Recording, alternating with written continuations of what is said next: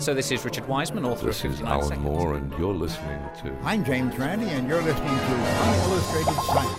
Så du, du leker jo Nei, du leker ikke Gud. Kan eh, kurere kreft om fem år. For meg så er vel det her like nyttig som homøopati. Dødsannonsen. Forskningsnytt. Altså, jeg kan ikke lage en hårete planet. Nei, nei.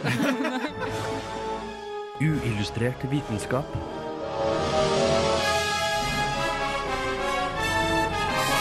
Science, works. I dagens utgave av Uillustrert vitenskap vil du få høre hvordan det gikk da Ole Eivind var så heldig å bli spådd av spåmannen Henning Haili Yang. Og jeg har for øvrig lurt litt på effekten av dårlig humør.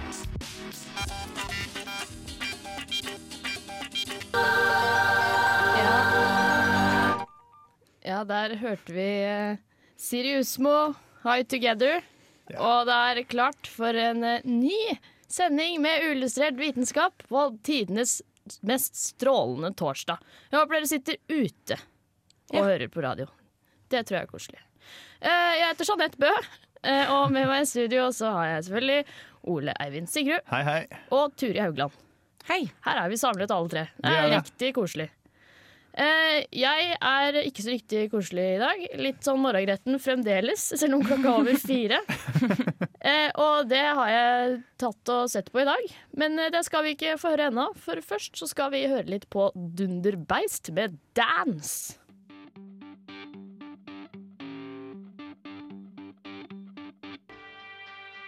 Hei, det her er Josten Pedersen på Radio Revolt.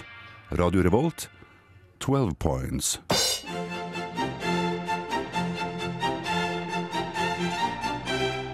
Mange av oss tar humørsvingninger med årstidene, slik som vinterdepresjon, for gitt. Ifølge et nytt studie kan årsaken være at årstidene trikser og mikser med kjemikaliene i hjernen vår. Forskere ved The National Institute of Mental Health har funnet beviset på at det er årstidsavhengige forskjeller i mengde dopamin i hjernen. Dette kan forklare de langvarige humørsvingningene våre. Men i løpet av hele året er det alltid en og annen dag som er mye verre enn de andre. Hvor mye kan en dårlig dag ha å si for oss? Et dårlig humør kan vare lenge om du står opp på feil bein. Og nå viser et studie at dårlig humøret kan også gjøre deg mindre effektiv på jobb. Du står opp en kjølig morgen, tripper raskt inn i dusjen for å varme deg. Så finner du fort ut at de egoistiske møkkafolka du bor sammen med, har brukt opp alt varmtvannet, mest sannsynlig kun for å provosere deg. Du setter kursen mot kjøkkenet, sparker inn i dørkarmen og sender kaffe bortover gulvteppet. Noe du slipper å gjøre igjen, for du er heldigvis helt tom for kaffe. Når du endelig kommer deg på jobb eller skole, er du fremdeles muggen. Og det er en stor risiko for at du kommer til å være det resten av dagen også.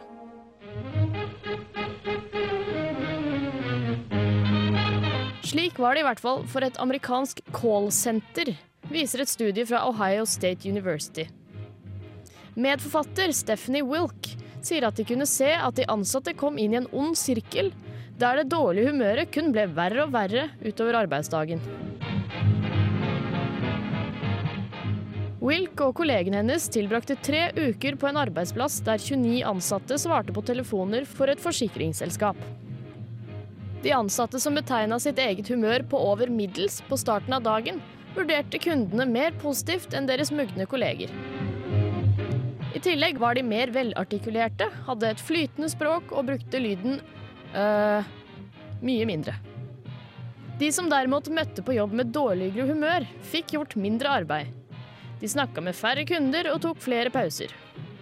Dette sier Wilk kan tyde på at man har problemer med å late som over telefonen. Til gjengjeld var det en større sjanse for at et dårlig utgangspunkt kunne vendes til et positivt, enn at en flott start på dagen ville ende i tragedie. 40% av de sure medarbeiderne kom i bedre humør i løpet av dagen, mens kun 17% av de glade ble i dårligere humør. Wilk sier at ifølge deres resultater er det viktig at firmaer finner metoder for å hjelpe de ansatte med å starte dagen med en positiv innstilling. Dette er jo for øvrig et koselig studie, men ikke alle er like begeistra. Professor i arbeids- og organisasjonspsykologi, Per Øystein Saksvik, mener at det er å gå litt for langt å foreslå tiltak for å fremme positiviteten, når det baseres på et studie som ikke undersøker årsaken til humøret. Og det er vel litt usannsynlig at f.eks. gratis kaffe på jobben vil føre til en løsning på dine egne private problemer. Dette er en litt typisk amerikansk undersøkelse satt i gang for å øke arbeidseffektiviteten. Men kanskje er det best å bare akseptere at menneskers humør kan svinge, og at vi ikke alltid er like effektive. En og annen dårlig dag bør vi kunne tillate oss.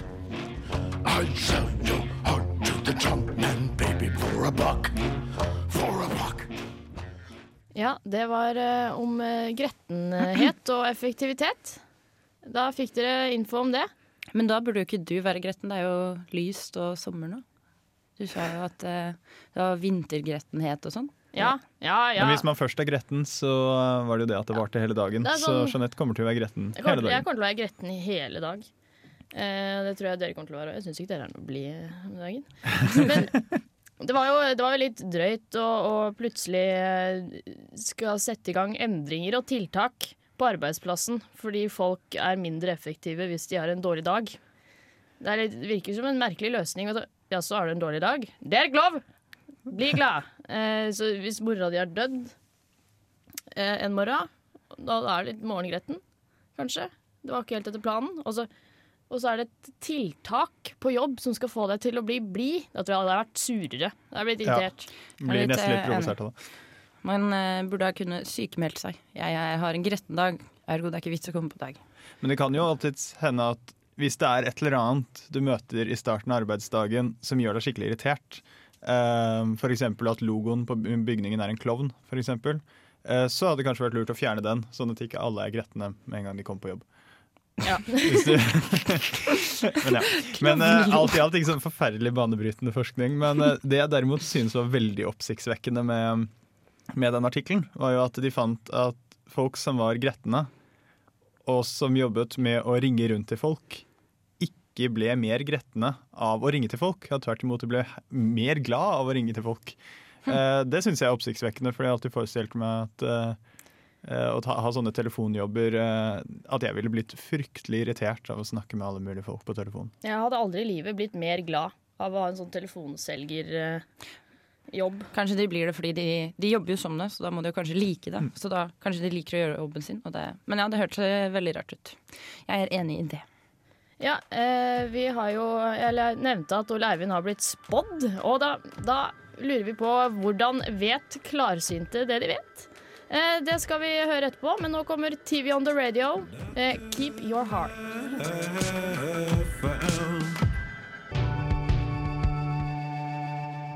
Radio Revolt.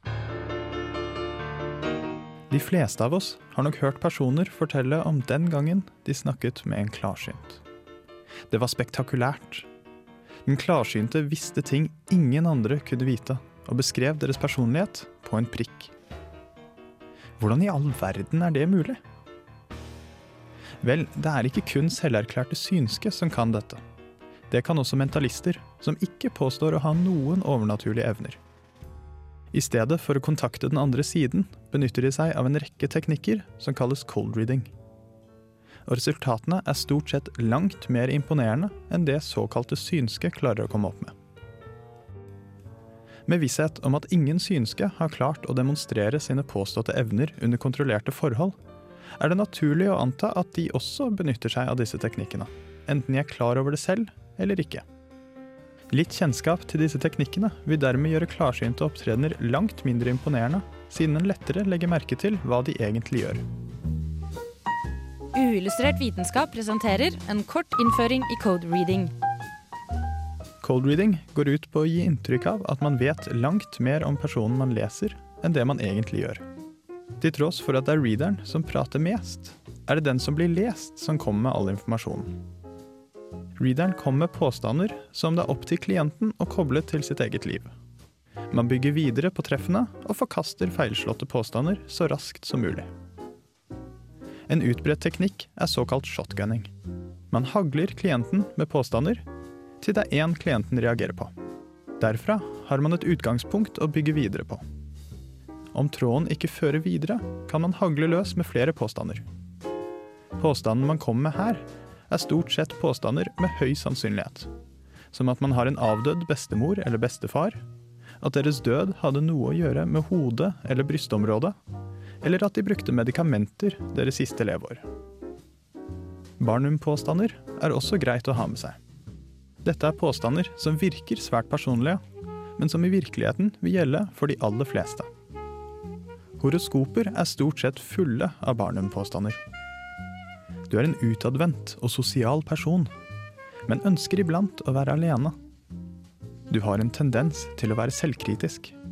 Og du har en uenighet med en venn eller slektning.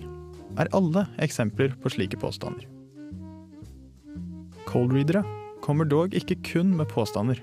De stiller faktisk også spørsmål. Men her er trikset å etterpå få det til å høres ut som du visste svaret hele tiden, og at spørsmålet ikke var et spørsmål i det hele tatt. Du jobber ikke med barn, gjør du vel? Jo, jeg jobber i barnehage. Hvordan visste du det? Jeg ser at du har en så flott og rød aura, med en god del grønne områder. Noe som sier meg at du er varm, omtenksom og tålmodig.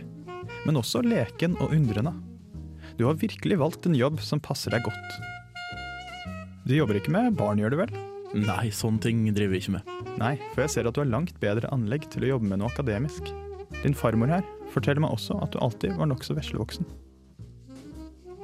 Selv verdensberømte klarsynte tar grundig feil når de skal lese folk.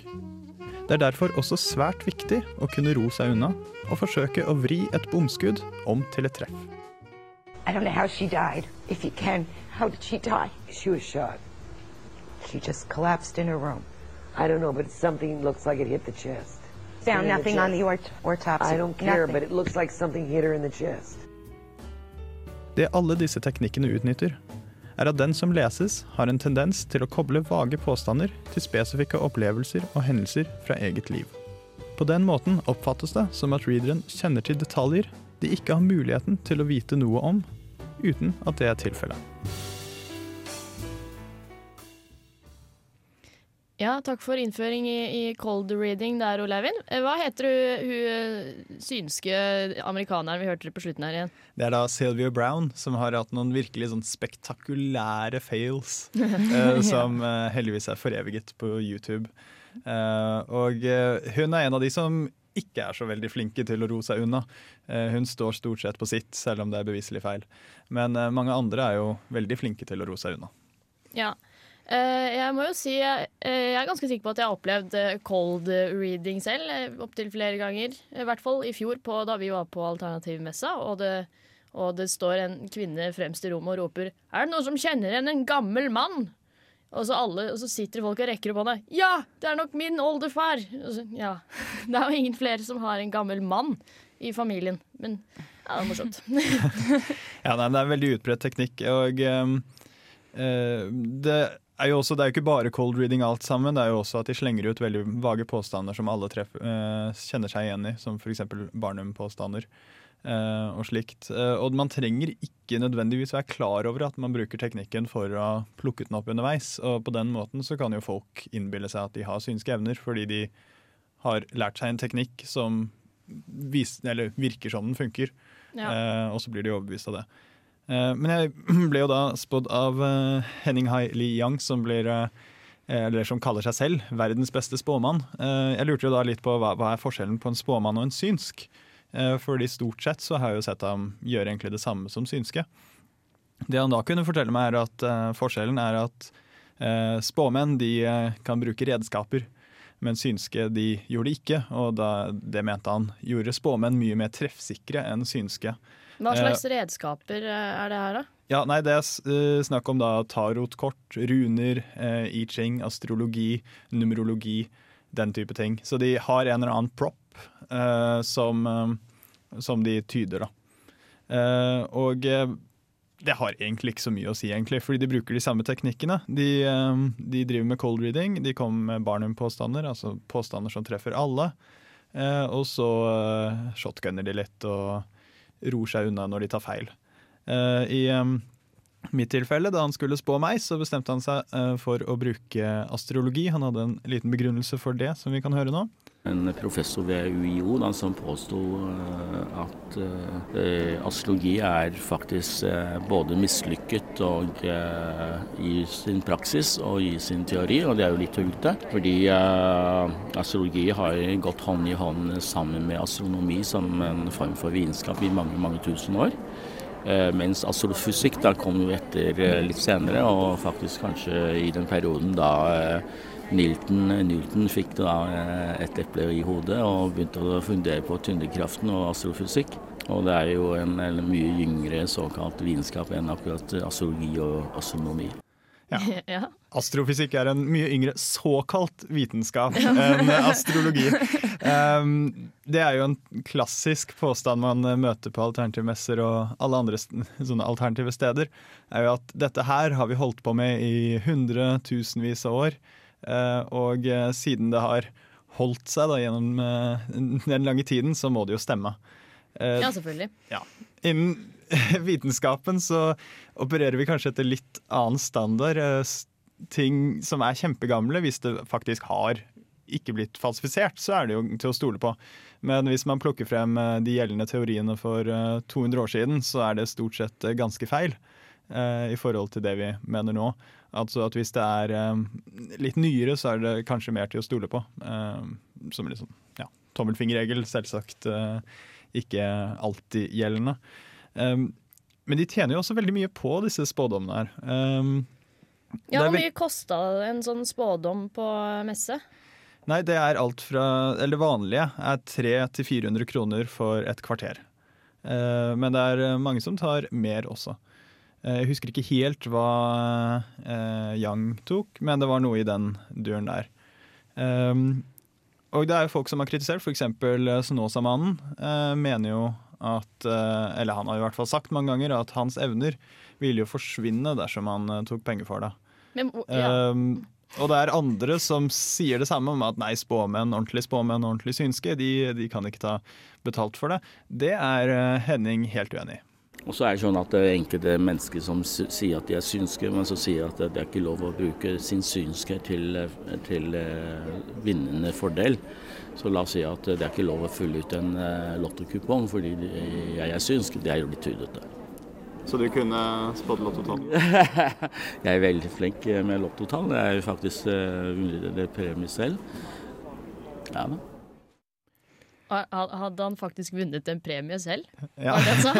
han sa så en del premier selv. Ja. Um, jeg kjenner mange som har vunnet en del premier i Lotto. Uh, de har ikke noen synske evner, men å få fire rette på en måte, det kreves ikke så veldig mye. Uh, det jeg lurer på, er hvorfor har han ikke vunnet jackpoten gang på gang? Mm. Uh, ja, alle ville jo alle ha betalt for å få spådd lottorekken av han. Ikke sant. Uh, og dette ville jo blitt kjempestore oppslag i media hvis uh, de kunne skrive overskriften 'Synsk vant uh, Lotto jackpot tre ganger på rad'. Um, så det er jo ikke slik at han Eller jeg, stiller meg i hvert fall veldig skeptisk til at han har vunnet noen særlig store premier. Fordi da hadde han antagelig skrytt om det til media. Ja. Mm. Men jeg, jeg, er veldig spent på, på hva spådommen din faktisk var. Eh, om, om han hadde litt rett, kanskje, på noe. ja, for å, fordi det er jo ikke alle lytterne her som kjenner meg. Eh, så det kan jo ikke være så veldig lett å vite hva som er treff og hva som er bom. Eh, så jeg har hjulpet litt til med en ding-lyd eh, når, når, han treffer noe som eh, er sånn nokså OK, og en liten sånn buzzer-lyd eh, når han tar grundig feil. Ja, men da, da, venter vi i spenning, og mens vi venter i spenning på den store spådommen, så tar vi og hører på Turns med Misty Roses live på Sentrum Scene.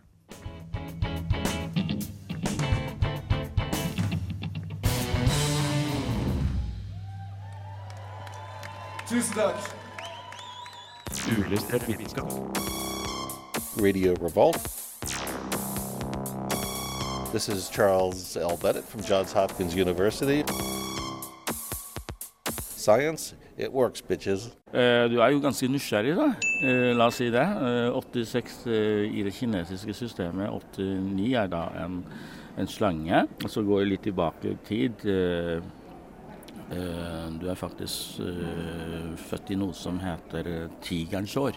Ja, Så mm, du er jo en person som er veldig søkende, da, kan du si. Så, og dessuten så er du også en ledertype, liker å styre litt, liker å være sjef. Men samtidig så ser jeg at det å kunne bli en, en god journalist eller en reporter, det er noe som du egentlig higer etter og kanskje har lyst til å bli. Og, og jeg tror at eh, innenfor journalistikk, innenfor eh, mediekunnskap, der vil du finne din plass. Men uansett så er du en person som er veldig nysgjerrig på ting, og du eh, søker hele tiden etter noen svar. Og jeg tror du får svar, fordi du er egentlig en person som også er litt, eh, litt intuitiv eh, og litt eh, klarsynt, sånn at du kan eh, føle ting og merke ting lenge før det skjer noe. Så du har sånne varslingssystemer i deg. Og det er egentlig ganske eh, eh, eh, altså Det er ikke noe uvanlig at du befinner deg her nå i en sånn såkalt alternativmesse, fordi du er egentlig ute etter svar. Men du har hatt en eh, litt eh, urolig fase fra 2009 og litt delvis i 2010, så da var du litt sliten. Og selvfølgelig så var du kanskje til og med litt i tvil om hva du skal bli når du blir stor i den perioden der, særlig fra 2009. Men eh, jeg ser at du har endelig bestemt deg. Så 2010 blir eh, 11, den siste delen er 2010, og den første delen er 11 er mye lettere. Så nå har du egentlig bestemt deg for å gjøre ting på din, på din eh, måte, og faktisk da har lagt opp en strategi. Du er veldig strategisk, sånn, sånn at du ønsker å komme deg gjennom livet på en god måte. Ja, så eh, hva syns dere? Best Vi har en klarsynt i studio, dere! Utrolig. Ikke dårlig. Uh, jeg, nei uh, Han startet jo veldig bra, men, ja, men han, han startet jo med sånn veldig generelle, sånn som treffer. De du dinget på med en gang han skulle prøve å bli litt spesifikk. Gå litt i dybden, så var det sånn feil, feil, feil. Så Det jeg bet meg merke på, og som jeg stort sett alltid legger merke til eh, når det er snakk om eh, spåmenn som da skal spå en person, eh, er jo at det er veldig lite spåing. Det aller meste er karakteristikk av meg, ikke hva som kommer til å skje i fremtiden. Ja, for var det der egentlig en spådom? Han sa jo så, men det, det, det sier meg er jo at eh, man prøver å overbevise eh, kunden om at jeg har evner, før man da setter i gang med noen spådommer. Oh, ja. Um, så slik eh, jeg tolker det. Eh, Men eh, ja, hvordan i all verden kunne han vite dette om meg? Fordi han traff jo nokså bra på eh, Altså, jeg er jo nysgjerrig og søkende, eh, og eh, jeg er absolutt interessert i å, å bli journalist. Men du gikk jo rundt med en uh, Eddie Roll og intervjua folk, gjorde du ikke? Ikke sant? Det Det er kanskje et ganske safe uh, bet å si at jo, nei, du er sikkert interessert i journalistikk uh, når jeg sitter og intervjuer en person. Ja. uh, så det, man trenger kanskje ikke, ikke være så synsk for det. Um, men totalt da, så hadde han um, tre treff, fordi nysgjerrig og søkende er jo det samme, og så fire-fem gale påstander. Eh, og hvorfor kom han med disse? Jo, han visste litt om meg da på forhånd. Det han visste, var at jeg kom fra studentradioen, og jeg befant meg på en alternativmesse. Ut ifra det eh, så trenger han egentlig ikke cold-reade noe særlig. Eh, fordi han kan anta en god del ting med ganske god sikkerhet. Eh, eksempel det at jeg er med i en studentradio, sier ham at jeg er en student. Man kan si en god del ting som treffer mange studenter. Eksempel at du på en eller annen tid Var var litt usikker. på hva du skulle bli. Du å lære. Det treffer alle studenter. Um, eh, nå bommet han jo litt, da, fordi han eh, spesifiserte med år, akkurat når jeg ikke var usikker på hva jeg skulle bli. Eh, men hvis han da ikke hadde sagt det året, så hadde jo det vært et treff også. Eh, men det er jo bare fordi jeg er student. Og så var det jo da, Jeg er jo fra studentradioen, så jeg er jo interessert i journalistikk. Eh, så da traff han der også. Eh, og så kommer han med sånn selvsagt vage ting som alle vil si seg enig i, uansett om det stemmer eller ikke. Alle vil si, nikke og si ja, jeg er jo litt sånn ledertype, og eh, ja, jeg er jo nysgjerrig. Hvem er ikke nysgjerrig? Men du Eh, mente at du ikke var eh, intuitiv? Nei, jeg, jeg stoler ikke på intuisjonen min i det hele tatt. Uh, men det betyr jo ikke nødvendigvis at intuisjonen min er dårligere enn andre, men jeg er i hvert fall ikke noe eksepsjonelt god der, tror jeg. Kom et eksempel på, på ganger da du ikke stoler på intuisjonen din. Når er det du står og Jeg bare ser for meg at du krangler med den. Nei, nei, nei. det er vel egentlig ikke sånn, men jeg, jeg prøver å aktivt uh, ha gode begrunnelser for det jeg gjør, da, istedenfor å gå på intuisjon. Um, men det han bommet da tydelig på, var at siden jeg var på alternativmessen, så antok han at jeg var alternativet meg. Og der tok han jo helt feil. Jeg syns det er litt, det er litt sketchy å begynne å anta at de som er på alternativmesse, er alternativet. For det, det var jo ganske mange jeg hørte om som løp dit egentlig mest for å le og peke. I hvert fall i Trondheim. Ja, eh, Nei, men det, det, jeg tror det er ganske mm, trygg antakelse, i hvert fall de fleste som går til en spåmann. Eh, det som da ikke var så trygt, var jo at jeg var der som journalist. Og da er det jo ikke sikkert at jeg var så alternativ av meg. Eh, men jeg var jo der også med kjæresten min, eh, og eh, det så jo han, så han eh, spådde henne litt også. Vi trenger egentlig ikke høre alt det, men han sa noe spesifikt om hvorfor vi var et godt par som vi kan høre. Oi, altså. Så du er ganske den rake motsetning til, eh, til, din, eh, til din, kjæreste, men saken er at eh, Men kanskje det er det som gjør at uh, dette parforholdet er spennende. Ja. Men uh, du er jo uh, Egentlig så kan man nesten si at dere er et speilbilde av hverandre, fordi du er skytter, er ikke det? Hva skal opp gjøre noe? Ja, og her kommer vi jo til bortforklaringer. Uh, fordi dette her var jo helt feil. Uh, han spurte meg etterpå uh, hvordan syns du det, spådommen uh, traff deg. Hadde jeg rett? så sier jeg nei, egentlig så er vi veldig like. da. Vi har veldig like interesser og lik humor osv. osv. Um, og så vet, kommer han med en kjempeelegant vridning, fordi han sa jo at vi var rake motsetninger og speilbilder. Og da jeg sa nei, egentlig er vi ganske like. Ja, nettopp! Speilbilder. Eh, fordi når du ser deg selv i speilet, så ser du henne. Og omvendt. Dere er like. Men det var jo ikke det du sa i sted. Um, så, så, det var en fin, elegant uh, bortforklaring. Og hvis jeg ikke hadde vært kjempeskeptisk av meg og nærmest innstilt på at uh, Eh, jeg skulle tolke alt han sa da i mest mulig negativ grad, så, eh, så, kan det godt hende at jeg eh, noen timer etterpå husket at å ja, vi var speilbilder, vi var jo like. Og det stemmer jo. Men jeg merker når jeg hører de spådommene, så blir jeg litt sånn skuffet. Fordi hvis han mener at han er verdens beste spåmann, var det det? Ja, det er det han sier. Ja, til å komme med en sånn påstand. Altså, høres han veldig usikker ut, syns jeg, når han spår. Og han brukte liksom ordet 'kanskje'. Og det er litt sånn Hva slags egentlig, spådom er det? Det er jo egentlig ganske lurt. Ja, selvfølgelig er det lurt. Men altså, kanskje du er Ja, da spår du jo egentlig ikke, da gjetter du. Mm. Og, og. Men jeg, jeg, ville ha en litt mer sånn hva kommer, hva kommer, til å skje med deg om to år? Så en sånn, sånn spådom vil jeg ha. Og så, ja. kan vi sitte og vente.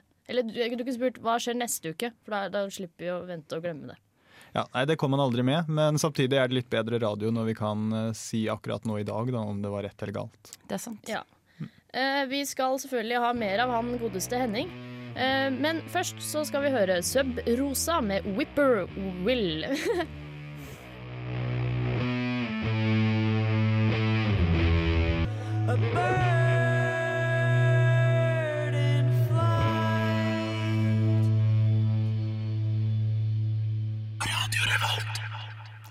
Fin låt, det der. Det, er, eh, det var, nå skal jeg prøve igjen. Det var Sub-Rosa med Whipper Will, heter den. Stoner Doom med, Stoner, ja. med kvinnevokal og kvinnebesetning. Det er ganske spennende. Det er kult. Herlikt. Eh, vi har jo eh, snakka litt om eh, Henning Haili Yang i dag.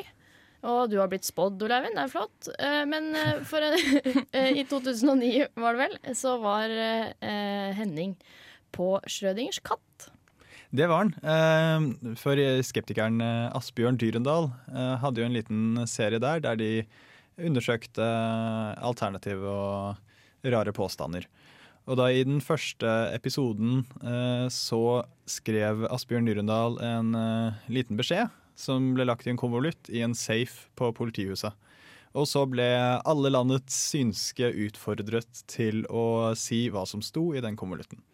Hva, hva, hva sto det i den? Ja, eh, det som sto var at Dyrendal hadde vært lur. Han hadde ikke skrevet noe som folk kunne da pønske ut basert på hvem han var. Så han eh, plukket to vilkårlige bøker og eh, slo to setninger sammen.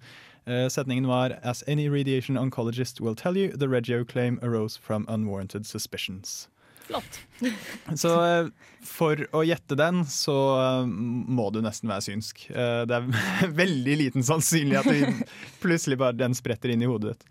Men da hadde de bl.a. tre synske på programmet, i tillegg til mange, mange, mange synske som sendte inn per brev. Og en av de som var på programmet, var Henning Haili Yang. Han sa at beskjeden, som han visste hva var, var det finnes mye mellom himmel og jord. Så ganske langt fra det Dyrendal egentlig skrev. Eh, men i ettertid så har han jo sagt at eh, Men egentlig så har jeg jo rett. Um, Jaså? Ja, og han har en uh, mer eller mindre god forklaring på hvorfor han har rett, uh, som vi kan høre nå. Men jeg hadde faktisk rett. Jeg skjønner hvor jeg, uh, jeg tror de skylder meg penger.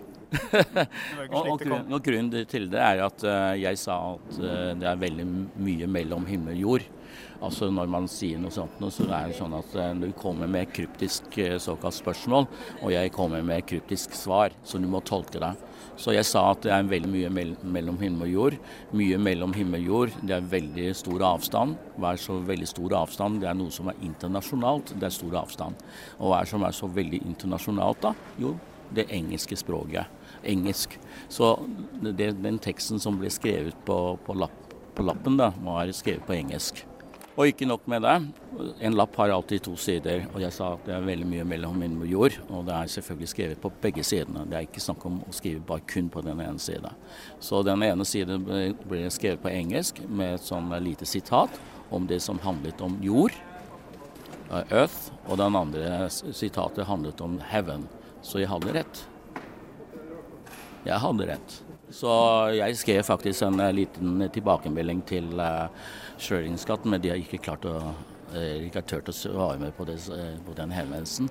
Og som sagt, jeg tror de skylder meg fortsatt 10 000 kroner. Wow, da er du dum, altså. Han hadde rett. Uh, det må jo da nevnes uh, at Ja, les setningen en gang ja, til, Olav. Beskjeden sto kun skrevet på den ene siden av lappen. Så det at den sto på begge sider, uh, var jo bare feil. Så nevnte han at uh, første del av setningen hadde Earth, uh, andre del av setningen hadde Heaven. Jeg kan lese den igjen. As any radiation oncologist will tell you, the Reggio claim arose from unwarranted suspicions.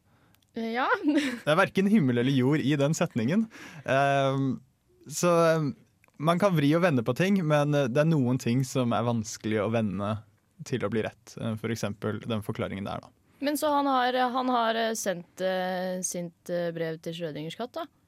Ja, Hvor sint det var, vet jeg ikke, men han har i hvert fall sagt fra til både Schrødingers katt og Asbjørn Dyredal om at, om at han hadde rett med den forklaringen. Og Asbjørn Dyrendal skrev da om det på Skepsis-bloggen, som vi kan linke til på Facebook og Twitter. Ja, det er bra. For han hadde, han hadde jo rett. Hadde det stått Heaven og Earth på, på lappen. Så det er jo Jeg kunne jo fått en femmer. Ja, han, han, hadde vært inne på noe hvis det hadde stått Heaven Earth, men det er fortsatt ikke Det finnes mye mellom himmel og jord, eh, som jo var det han sa. Ja, flott. Vi har, eh, vi har, snart liten tid igjen. Eh, ikke riktig ennå, men nå skal vi få høre Jens Karelius med 'Avenue de la Mer'.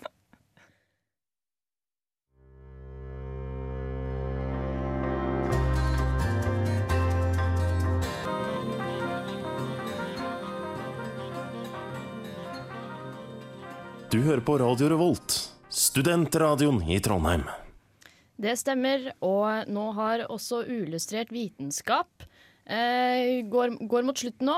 Eh, og det er snart påskeferie, og da antar vel dere der hjemme kanskje at eh, vi kommer til å dra hjem. Det stemmer ikke, det er bare jeg som drar hjem. Eh, og da kan det hende dere får servert litt uh, uillustrert vitenskap jammen meg neste uke også. Det kan godt hende. Det er jo ganske På selveste skjærtorsdag. Ganske luksus, rett og slett. Ja. Eh, I dag så har vi, eh, ja, igjen nevnt eh, Henning Haile Yang ganske mye. eh, og eh, vi starta også med en liten innføring si, i morgengretten. Eh, så denne episoden her vil dere også kunne laste ned på podkast, og det har dere også vært ganske flinke til å gjøre, så takk for den. Takk for at dere laster ned podkast, det er hyggelig. Ja. Takk, takk. Eh, Jeg vil også påpeke at den morgengretens studie var bare løgn. Eh, fordi Jeanette var veldig morgengretten i dag tidlig, men nå så sprudler hun av jeg eh, overtretthet. Ja, ja, ja dere, jeg har fnist litt mer enn jeg pleier. Kanskje det er fordi du gjorde jobben din, du ble glad av å være programleder. Ja. Det var flott, var det ikke? Ja, jeg blir glad av det. Eh, Etter oss så kommer eh, gode, gamle Filmofil. Ja. Og de skal ha om påskefilm. Det høres da veldig, veldig koselig ut. Og så kommer det også en anmeldelse av den nye filmen Sucker Punch. Og hjelp, vi er russ. Yes, Vi takker for oss eh, denne gangen. Tekniker i dag har vært Bendik Bolme, og med meg hatt Ture Haugland og Ole Eivind Sigrud. Jeg heter Jeanette Bø. Ha det bra. Ha det godt. Ha det.